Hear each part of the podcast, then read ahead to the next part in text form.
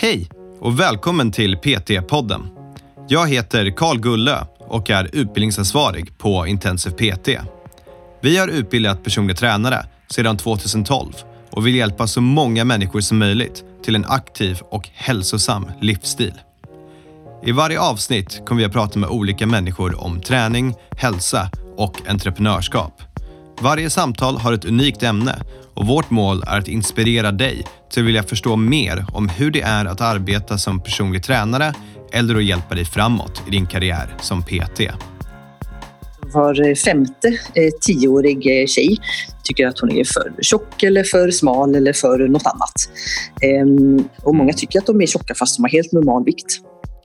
Damer och herrar, vi har ett långt avsnitt framför oss, så jag kommer fatta mig kort. Det här är viktiga grejer. Nu kör vi! Varmt välkommen till PT-podden Linda. Det är jätteroligt att ha med dig. Eh, vi har ett superviktigt ämne idag, vilket är kroppsuppfattning. Det är någonting man bör prata mer om och idag ska du ge lite tips på hur vi som PT kan jobba med negativ kroppsuppfattning. Men innan vi går in på det, då så vill jag veta lite om dig. Jag vill veta vart jobbar du? Vad har du för bakgrund om det här? Helt enkelt berätta om dig själv. Så vem är Linda? Berätta. Eh, Linda Ivarsson heter jag, jobbar som eh, PT Advanced på Fitness 24-7 i Lund. Ehm, är också kostrådgivare och gruppträningsinstruktör. Har jobbat i drygt eh, fyra år som PT. Ehm, innan dess så jobbade jag som socionom inom socialpsykiatri på en liten institution där det bor personer med psykiska funktionsnedsättningar. Och jag jobbade även på BRIS, Barnens rätt i samhället. Coolt. Jag skulle nästan vilja göra ett helt avsnitt om hur det är att jobba på BRIS. Det är ju cool organisation. Ja. Eller en väldigt bra organisation. Men okej, okay, så du har den bakgrunden och du jobbar på Fitness 24-7 nu. Det, det är, um, då har du den här erfarenheten av att hjälpa folk, helt klart. Ja, precis. Absolut. Så jag jobbar med allt från nybörjare till elitidrottare och gravidträning och, och ganska mycket med kunder som har någon typ av eh, psykosocial problematik kanske. Om man har gått igenom en period av utbrändhet, utmattningsdepression depression, sorg, förlust, eh, ätstörningar, överträning och så vidare. Det är som min nisch, psykisk ohälsa. Wow. Eh, vi, vi, dyker in direkt på avsnittet. Då. Så, kroppsuppfattning är temat och det första vi skulle vilja göra är att definiera det. Så, eh, i, I din värld här, vad, vad är kroppsuppfattning? Kroppsuppfattning är hur en person upplever sin kropp, kroppens storlek och form, den kognitiva, alltså tankemässiga uppfattningen av kroppen och också hur tillfredsställd eller nöjd man är med kroppen. Alltså den inre bilden av sin kropp. Så kroppsuppfattning är ju en del av självuppfattningen. Eh, och efter de här eh, åren som eh, PT så har jag allt som ofta sett ett eh, utbrett eh, missnöje och en eh, otrivsel misstänksamhet med kroppens förmåga och utseende. Det kan vara nedsättande och negativa tankar om kroppens prestationsförmåga och hur den ser ut. Ehm, och det är en annan sak än att man kanske vill tajta till lite eller eh, gå ner i muskel eller gå ner i fettprocent och bygga muskelmassa utan en mer djupare otrivsamhet. Negativ kroppsuppfattning blir väldigt hämmande för den fysiska prestationen därför att det blir mycket mindre glädje i träningen eh, ifall negativa tankar ligger och bromsar hela tiden i träningsprocessen. Så att mm. eh, som PT behöver man bryta det här mönstret och hjälpa kunderna att eh, förstå bakgrunden till att kroppsmissnöjet har brett ut sig så här. Så vad brukar det vara då, som skapar det här kroppsmissnöjet hos folk? Eh, det kan vara upplevelser tidigare i barndomen, att man har fått höra eller uppleva att man inte duger. Kanske en period av mobbning i barndomen. Att eh, kunden upplever sig ligga långt ifrån det som är det så kallade idealet. Eh, och man vet ju inte exakt vad en kund bär på. Men ehm, någon anledning har lett till att kunden har fått lägre självkänsla än den behöver ha. Ehm, och det gör då att man blir mer sårbar, mer mottaglig för omgivningens syn på sig själv. Så att det blir ett glapp mellan den man är och den man förväntas vara eller vill vara. Absolut, det är en sån här typisk, har man hört att man är på ett visst sätt väldigt många gånger eller väldigt länge, då till slut så ja, kanske man blir så även om det inte är rätt för att det är någon annans bild av en. Liksom. Om någon säger ja. du, det, det, vet jag till mm. exempel med, där är den, ja, flera personer som säger att du är dålig på idrott för de var dåliga på skolidrott och då är det inget kul med träning någonsin. Sen ska de hitta en träningsform som de är bra på eller som de tycker är kul och då är det någonting ja. helt annorlunda.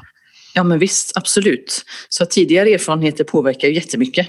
Och eh, det kan vara vanligt också att tro att man behöver ändra sig för att eh, vara på ett visst sätt för att passa in och duga i träningsmiljön. Men så är det inte alls, utan att man kommer som den man är eh, med ja, allt det man har bakom sig också. Och det kanske man som PT inte alltid får veta vad det är, eller, utan man märker att här är det någon negativ tankegång som verkar ha brett ut sig och tagit över. Och då kan man ju möta kunden där den är utan att gräva för djupt ifall inte kunden själv vill delge. Mm. Ja, absolut. Eh, det finns ju flera orsaker till kroppsmissnöje. Och en eh, studie från Göteborgs universitet från 2013 eh, visar att tjejer eller flickor redan i tioårsåldern börjar bli missnöjda. Så var femte tioårig tjej tycker att hon är för tjock eller för smal eller för något annat. Ehm, så tjejer har en mer negativ syn på sin kroppar än vad killar har i tioårsåldern. Och många mm. tycker att de är tjocka fast de har helt normal vikt. Mm. Eh, och de är också mer bekymrade över vad andra tycker om deras utseende än vad killar är. Ja, det eh. förvånar mig inte alls att det är så. Mm. Tyvärr. Och det, det är väldigt, ja. väldigt tråkigt. Mm, precis. Eh, och avgörande för en positiv kroppsuppfattning är att dels att man får höra och också uppleva att kroppen kan vara stark och funktionell. Så att positiv kroppsuppfattning är att känna tilltro till att till sin kropp, lita på att den är tillräckligt stark. Ehm, och också att ha mer fokus på vad kroppen kan göra, till exempel springa, klättra, eh, lyfta och så vidare, än hur den ser ut.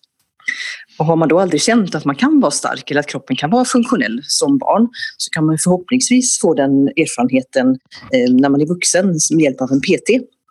Ehm, så att kunden behöver alltså lära sig dels eh, att hantera verktygen för träning som träningsplanering, eh, hur man genomför övningarna, kost, återhämtning och så vidare.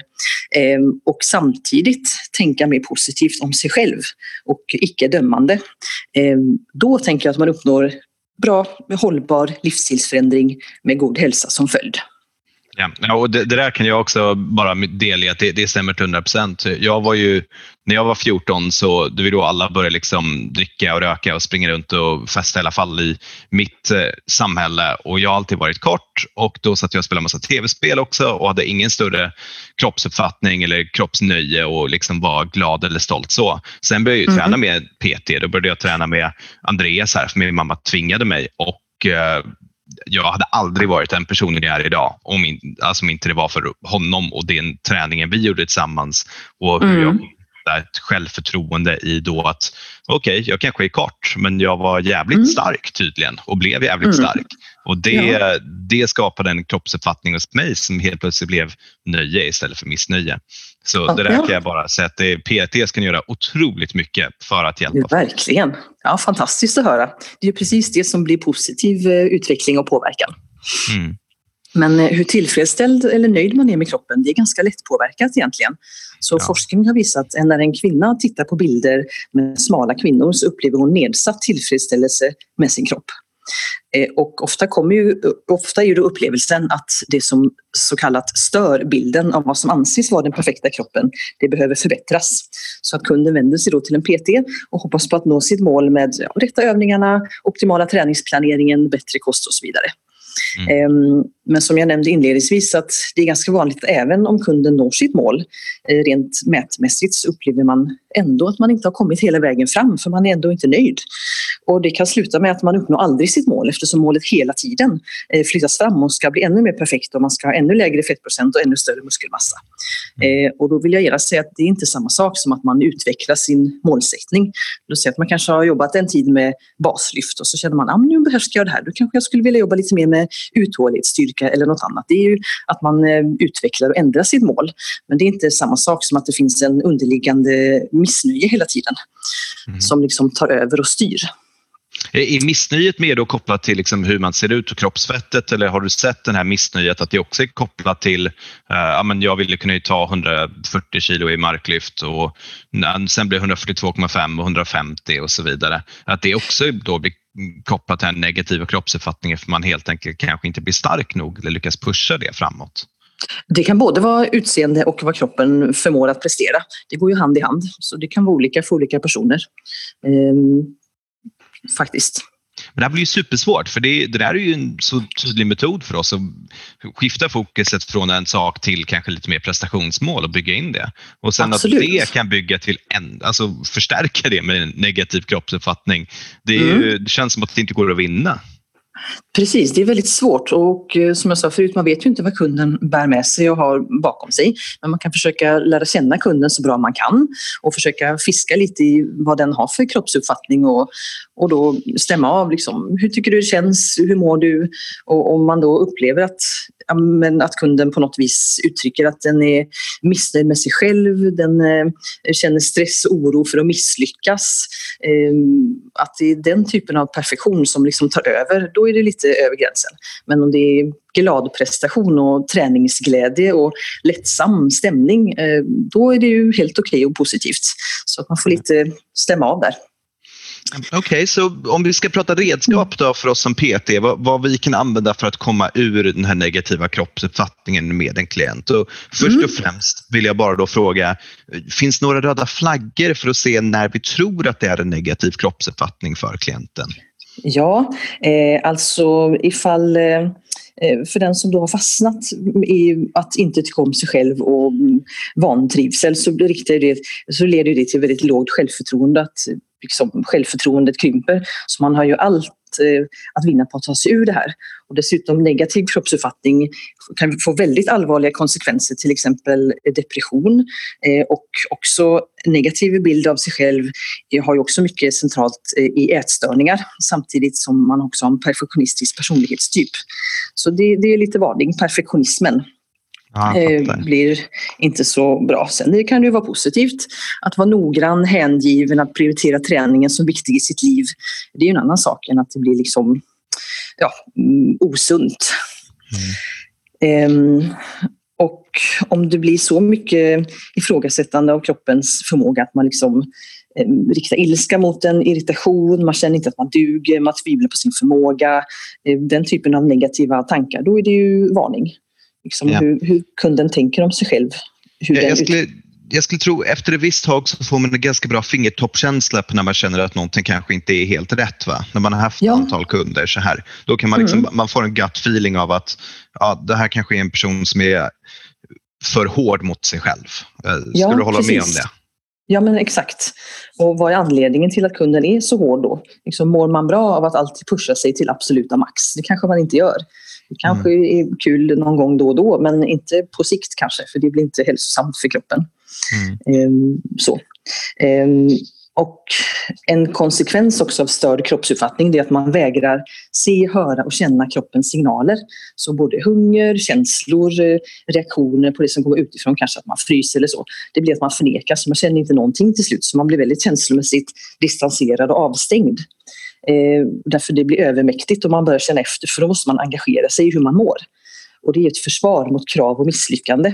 Så därför sänder man inte ut, så mycket signaler om hur man mår. Och därför kan det vara svårt att upptäcka att någon inte mår bra. Eh, samtidigt som det då är ett ideal att träna mycket. Så där får man också känna av lite.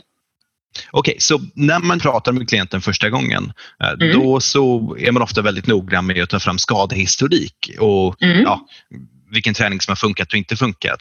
Men mm ofta inte så mycket om den mentala hälsan. Eh, känner du Nej. att man kan prata om den här och ställa frågor om det? Ja, absolut. Det är jätteviktigt. Det är precis lika viktigt att redogöra, klargöra för kundens eh, eventuellt psykiska ohälsa bakgrund eh, som det att man frågar om eh, ryggskott eller patellaluxation eller vad det nu kan vara. Jätteviktigt att fråga om, ja, har du haft perioder av nedstämdhet eller eh, det brukar ofta vara en fråga om medicinering och där brukar kunden säga då att eh, ja, jag äter antidepressiv medicinering eller så vidare. Eh, mm. Och vissa kunder kanske inte riktigt heller förstår hur mycket eh, nedstämdhet och eh, depression, ångest och så vidare kan påverka träningen. För de tänker att ja, men det, är, det är något som är, ja, man, man fokuserar inte på det så mycket, men det är jätteviktigt. Ja, nej, jag förstår. Det, det, det blir väldigt cykliskt tycker jag. Men mm. om vi sen hoppar vidare då på, okej, okay, så vi har en klient, vi känner att det är lite röda flaggor här. Ska mm. vi bara fråga personen eller ska vi liksom ja. hinta om det? Hur, hur ska man sen jobba med det som PT? Ja, vi går över nu på vad, vad PT kan göra för att kunden ska kunna komma ur negativ kroppsuppfattning. Så Precis. nummer ett, att eh, lyssna på kunden. Vad säger kunden om sin kropps utseende och prestationsförmåga? Hur upplever kunden sin kropp? Så börja där och observera negativa tankar när de uppstår och när de kommer ifrån. Ehm, också öka kundens eh, medvetenhet och kunskap om kroppsuppfattning. Så för att sätta igång lite tankar så kan man ju fråga kunden då när man till exempel vilar mellan sätten i någon övning att ja, hur skulle du säga att du upplever din kropp och vad har du för bild av den? Så det måste inte vara så formellt att nu ska vi prata om kroppsuppfattning utan man liksom ja. smyger in det lite spontant. Ja. Eh, nummer två, undvik att prata om utseende. Det kan vara väldigt lätt att tro att smalhet, att vara vältränad, att det är lika med lycka, att vara populär, framgångsrik, vacker och attraktiv. Så bara man går ner några kilo till så blir allt bra. Ehm, men målet, tänker jag, istället är att kunden ska nå en högre grad av empati för sig själv. Och empati är ju förstående inlevelse. Och det lär man sig av empatiska personer. Och det är väldigt svårt att ge sig själv det man aldrig har fått.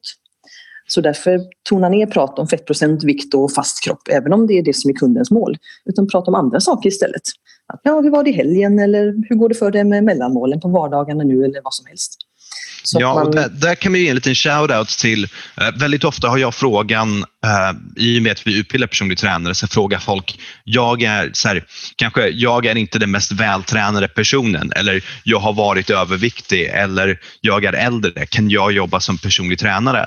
Eh, och mitt mm. svar till de personerna är alltid Absolut, för du kommer förmodligen kunna visa en annan typ av empati till de här klienterna än Precis låt oss då säga bara som exempel en 25-årig eh, megafit kille eller tjej. Liksom. För det, mm. även om de kanske är, kan vara superempatiska och förhoppningsvis mm. är de, särskilt om de lyssnar på det här så tror jag att ni är det. Men jag tror om man alltid haft lätt för träning, om man alltid har uppnått de här målen och det alltid mm. går bra, om man har haft ett liv där man kan prioritera det. Uh, ja, jag, jag, vet i alla fall i min värld när det är lite så, om någon kommer och har liksom en, och det här var en insyn jag hade för en stund sedan, att, eller ja, whatever, för, för ett tag sedan. Men att det är när man själv inte har gått igenom det där så kan det vara svårare att visa empati. Och om du har gått mm. igenom något sånt så är det helt fantastiskt för då kommer det bli väldigt lätt ja. för dig att visa empati och vara väldigt äkta när du gör det. Precis. Man eh, får mer självkännedom, man får mer mognad, eh, man får ett annat djup i träningen. För att man förstår lite hur kroppen reagerar också i träningen i kriser och sorg och så vidare. Så att mm. det som kanske var kraschat och halvdant och skadat i sitt eget liv, om man då går igenom det och blir starkare och så kan visa kunden hur man kan träna när livet inte alltid är perfekt. Det blir ju jättebra. För att det är ju så livet är för de allra flesta.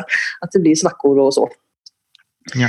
Ehm, ja, ehm, så att undvika att prata om utseende utan man flyttar fokus då från utseende till funktion, vad kroppen kan göra.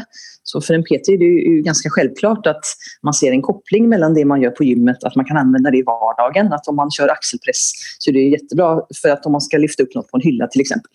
Eh, bara som ett exempel. Men kunderna har inte, oftast inte riktigt den kopplingen. Och särskilt inte om man är fast i så att fettprocenten ska gå ner ännu mer eller man ska bli ännu större eller vad det nu kan vara. Eh, så att man talar om för kunden väldigt tydligt vad kroppen kan användas till hellre än hur den ser ut. Absolut, absolut. Ehm, och vi pratade lite om förut, Instagram och ehm, sociala medier, att det kan vara en stress för vissa kunder som kan trigga och spä på upptagenheten kring den egna kroppen och då också missnöjet. Och då kan man eh, uppmana kunderna att tona ner på att titta på den typen av bilder ifall det inte känns positivt. Känner man att det är inspirerande och peppande, fortsätt att titta. Men för den som inte gillar det, eh, då kan man hellre fokusera på kundens mål. Att man ehm, påminner kunden om dens mål och att kunden jämför sig med sig själv istället.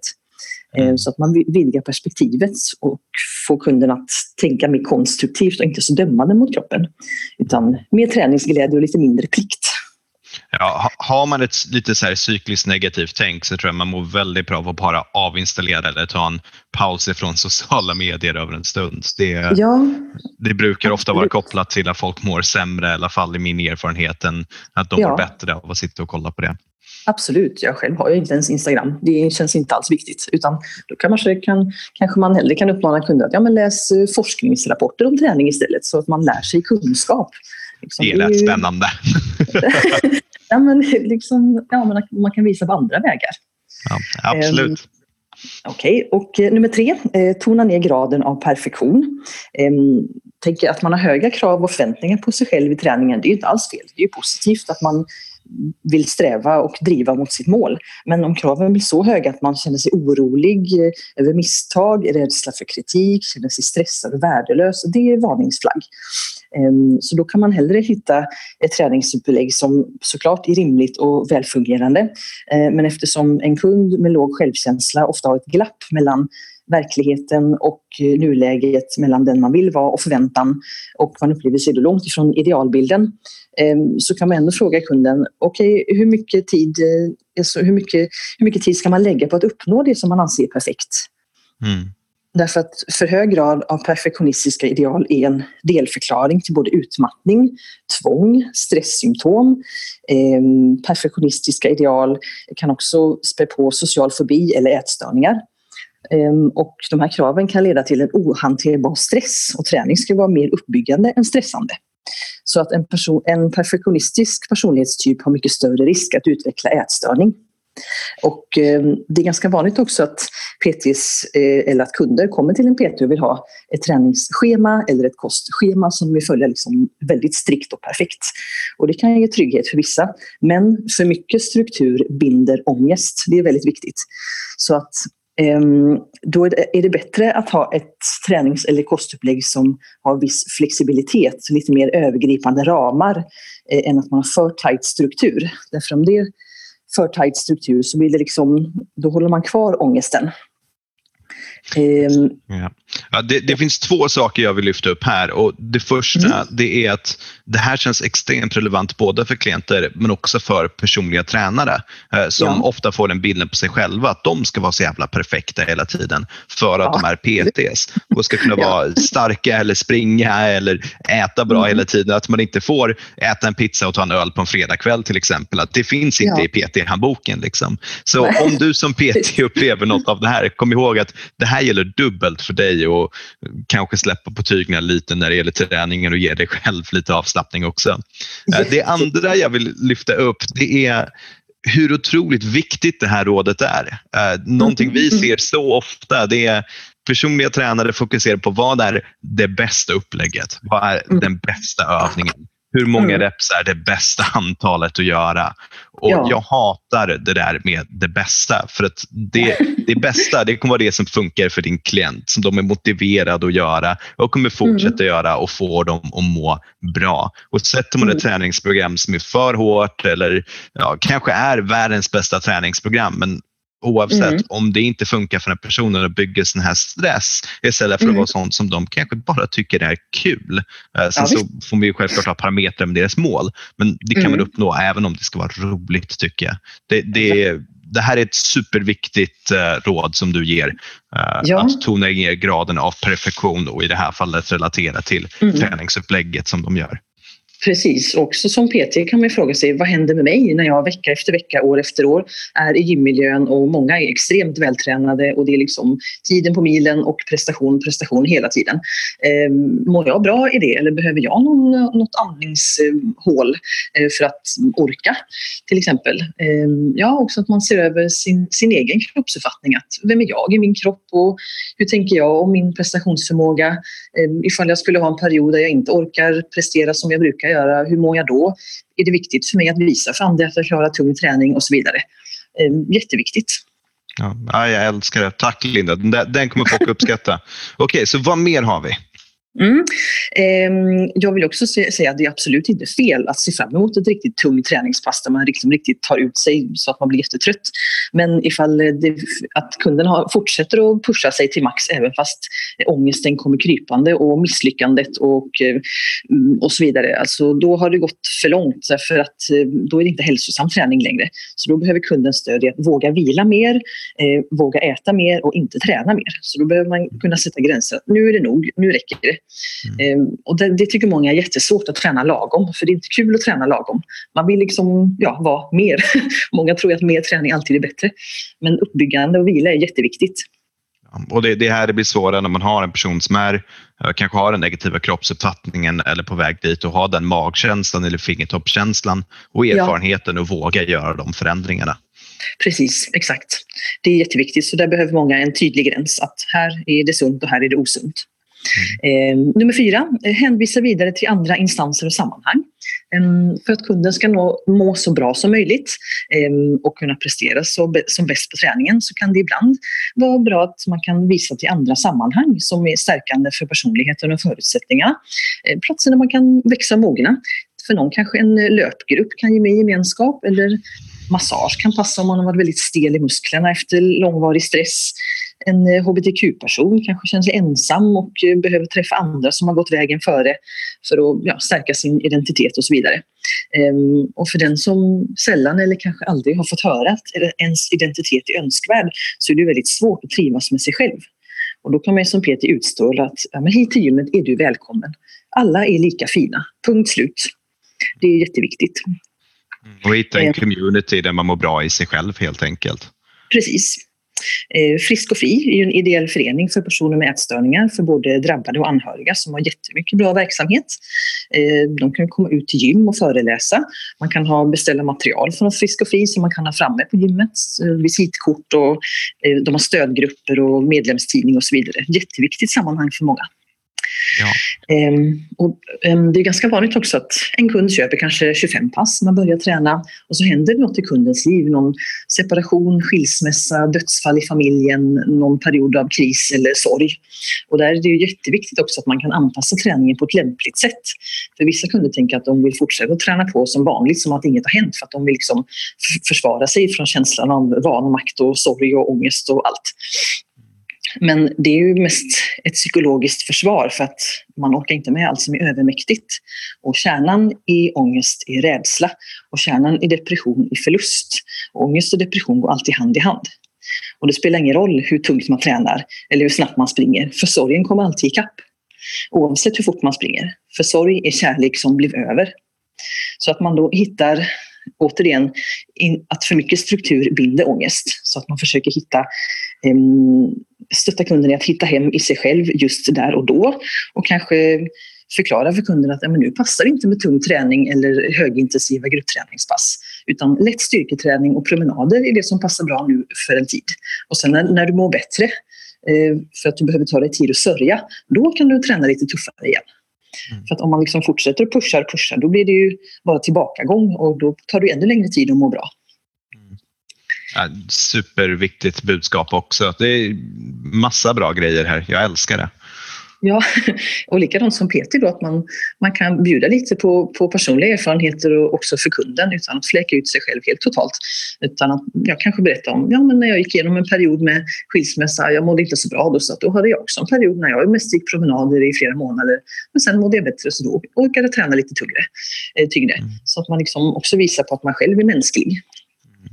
Ja, och visa empati som PT är extremt viktigt. Och mm. Där är det den, ja, har man inte den erfarenheten så ska man inte ljuga. Eh, men och ändå försöka Ja, det är helt okej okay att prata med sin klient om motgångar man själv har haft. Det, du måste som PT inte vara den perfekta människan. Tvärtom, du ska inte vara mm. den perfekta människan. Du Nej. är en människa. Ja, men precis, verkligen. Det är också mycket relevant budskap. Mm. Eh, sista, nummer fem, odla det goda. Eh, man kan tänka, hur avgörande är egentligen viss fettprocent, vikt eller kroppsform för livskvaliteten egentligen? Så att man kan, som vi redan sagt, lära kunden en högre grad av empati för sig själv och sin kropp. Så att man uppmuntrar kunden att hitta sin egen väg i träningen och bli mer självständig. Så att med mm. ökad kunskap, reflektion och träningsglädje så tänker jag att det blir lättare för kunden att förstå varför man ältade nedsättande saker om sig själv och kunna släppa det sen. Så att man eh, visar på ett nytt synsätt på träning, kost, kropp och hälsa som ger mer uppbyggande fysisk progression. Också, jag tycker det skulle vara mer av acceptans och tålamod och respekt och eh, empati för sig själv, för sin kropp. Så målet är att kunna känna balans i sin kropp eh, utan att allt behöver vara perfekt. Utan good enough är okej. Okay. Och framsteg kan också vara att man gillar sin kropp för att den är ens egen. Och det kan också vara att njuta av en kebabpizza utan att man tänker att man måste kompensera intaget av pizzan med ett extra hårt eh, löppass med viktväst till exempel. Eller vad nu ja. ja, eller inte äta någonting resten av dagen. Nej, precis. Nej, det blir inte så bra. Utan våga äta. Mm. Så en kund som har fastnat i negativ kroppsuppfattning, då brukar jag fråga, okej, okay, om du tänker på någon du tycker om, någon bekant, vän, eh, släkting, kan vara ett husdjur också, som du verkligen gillar, hur mycket tycker du att dens kroppsform, vikt eller muskelmassa avgör hur mycket du tycker om den eller inte? Ja, då brukar svaret bli ingenting eller väldigt lite alls. Och då kan man vända på det och säga, okej, okay, men tror inte du att andra upplever dig likadant? Det spelar liksom, det avgörande för hur omtyckt du blir är inte hur mycket du väger eller hur tunga knäböj du kör. Um, så att hellre då ut, uppmuntra individuellt uttryck, egen stil och att mångfald bland kroppar är mer intressant än att sträva efter något som är perfekt. Därför är perfekt är något som inte finns. Ja, alltså jag, jag, har, jag har inte jättemycket mer att tillägga. Jag sitter bara och tänker ja, ja, ja, det här stämmer till 100 procent. Det här är så viktigt att gå igenom. Ja. Någonting jag skulle liksom vilja avrunda med lite grann, det, det är något som du mm. sa till mig när vi pratade innan vi skulle göra det här avsnittet när vi gjorde en liten förintervju. Eh, mm. Vilket jag aldrig har hört förut och jag tyckte det var så viktigt. Det är att vi som PT ska omkring och tjata med folk.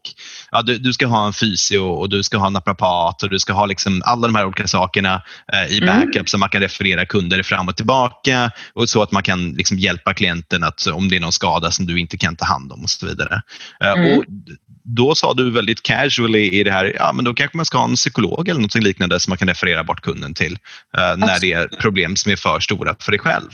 Mm. Och för mig, när du sa det, det var så självklart. Mm. Ja, visst, och särskilt då en kund som går igenom en, en tyngre period som man eh, märker då har behov av samtal. Eh, då kan man ju själv vara en lyssnande medmänniska. Men om man känner att det är något för djupgående som man inte mäktar med, att det är liksom för tufft för en själv att bära för att en PT är ju bara jag. Liksom. Då kan man ju mm. hänvisa vidare till sin vårdcentral. Där finns ju både kuratorer och psykologer. Kyrkan kan också vara ett bra sammanhang. De har både präster och diakoner som har tystnadsplikt eh, och så vidare. Så att det mm. finns den typen av forum också för att man ska må bra, vilket ju gynnar träningen och resultaten där på sikt. Är det okej okay som PT att alltså, känna att en kund är för mycket, att det är för svårt för mig eller att det, det här är inte någonting jag kan ta på mig? Ja, verkligen. Absolut. Det, det, måste man ju känna att nej, det här är för stort, det här är för djupgående, det här är för mycket.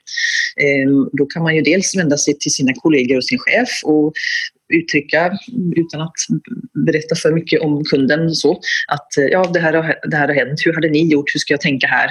Så kan man få hjälp av dem. Känner man att det ändå inte hjälper så kan man säga till kunden att jag märker att du har ett behov av att bli lyssnad på och att du behöver prata och jag känner att det är lite för stort för mig för att orka bära. Så det kanske skulle vara bra för dig att ha en samtalskontakt så eh, kan vi ju ändå fortsätta med våra PT-pass. Det tycker jag man kan säga helt ärligt och rakt. För att en kund som är inne i kris och sorg kanske inte riktigt har den förmågan att läsa av andra. Liksom, utan man bara maler på hela tiden och då kan de också behöva hjälp att sätta en gräns för vad som är mm. känslomässigt okej okay för andra att orka bära. Mm. Något jag skulle rekommendera alla PTs att ha det är ett eh, supportnät, gärna av andra PTs och kanske folk inom ja, olika delar av branschen, men där man mm. kanske pratar en gång i månaden eller en gång varannan vecka. Så kanske man har en timme där man har den runt bordet när man går igenom vad, mm. dels också vad som man har gått bra med sina klienter, för det kan bli väldigt mm. ensamt yrke tyvärr. Men gå igenom ja. vad som har gått bra, vad som har varit kul, vad man är stolt över och mm. också saker som man kanske tycker är svåra och ta hjälp av varandra bara för mm. att få samtala om detta. Ja, visst, absolut. Ja, och jag tänker att även om man anstränger sig varje dag för att eh, förbättra muskelmassan och eh, sköta fettprocenten och kosten perfekt och så vidare, så förändras kroppen med ålder och kriser och sjukdom. Det tillhör livet. Och det behöver man som PT förmedla till kunderna. Att sätta fokus på, um, på att det är kroppen som för dig genom livet och den ska orka bära, lyfta och eh, springa och hoppa och så vidare. Så ta hand om den och ge den vad den behöver och vårda den väl. Istället för att fastna i perfektion som ändå är att, ofta att jaga efter vind.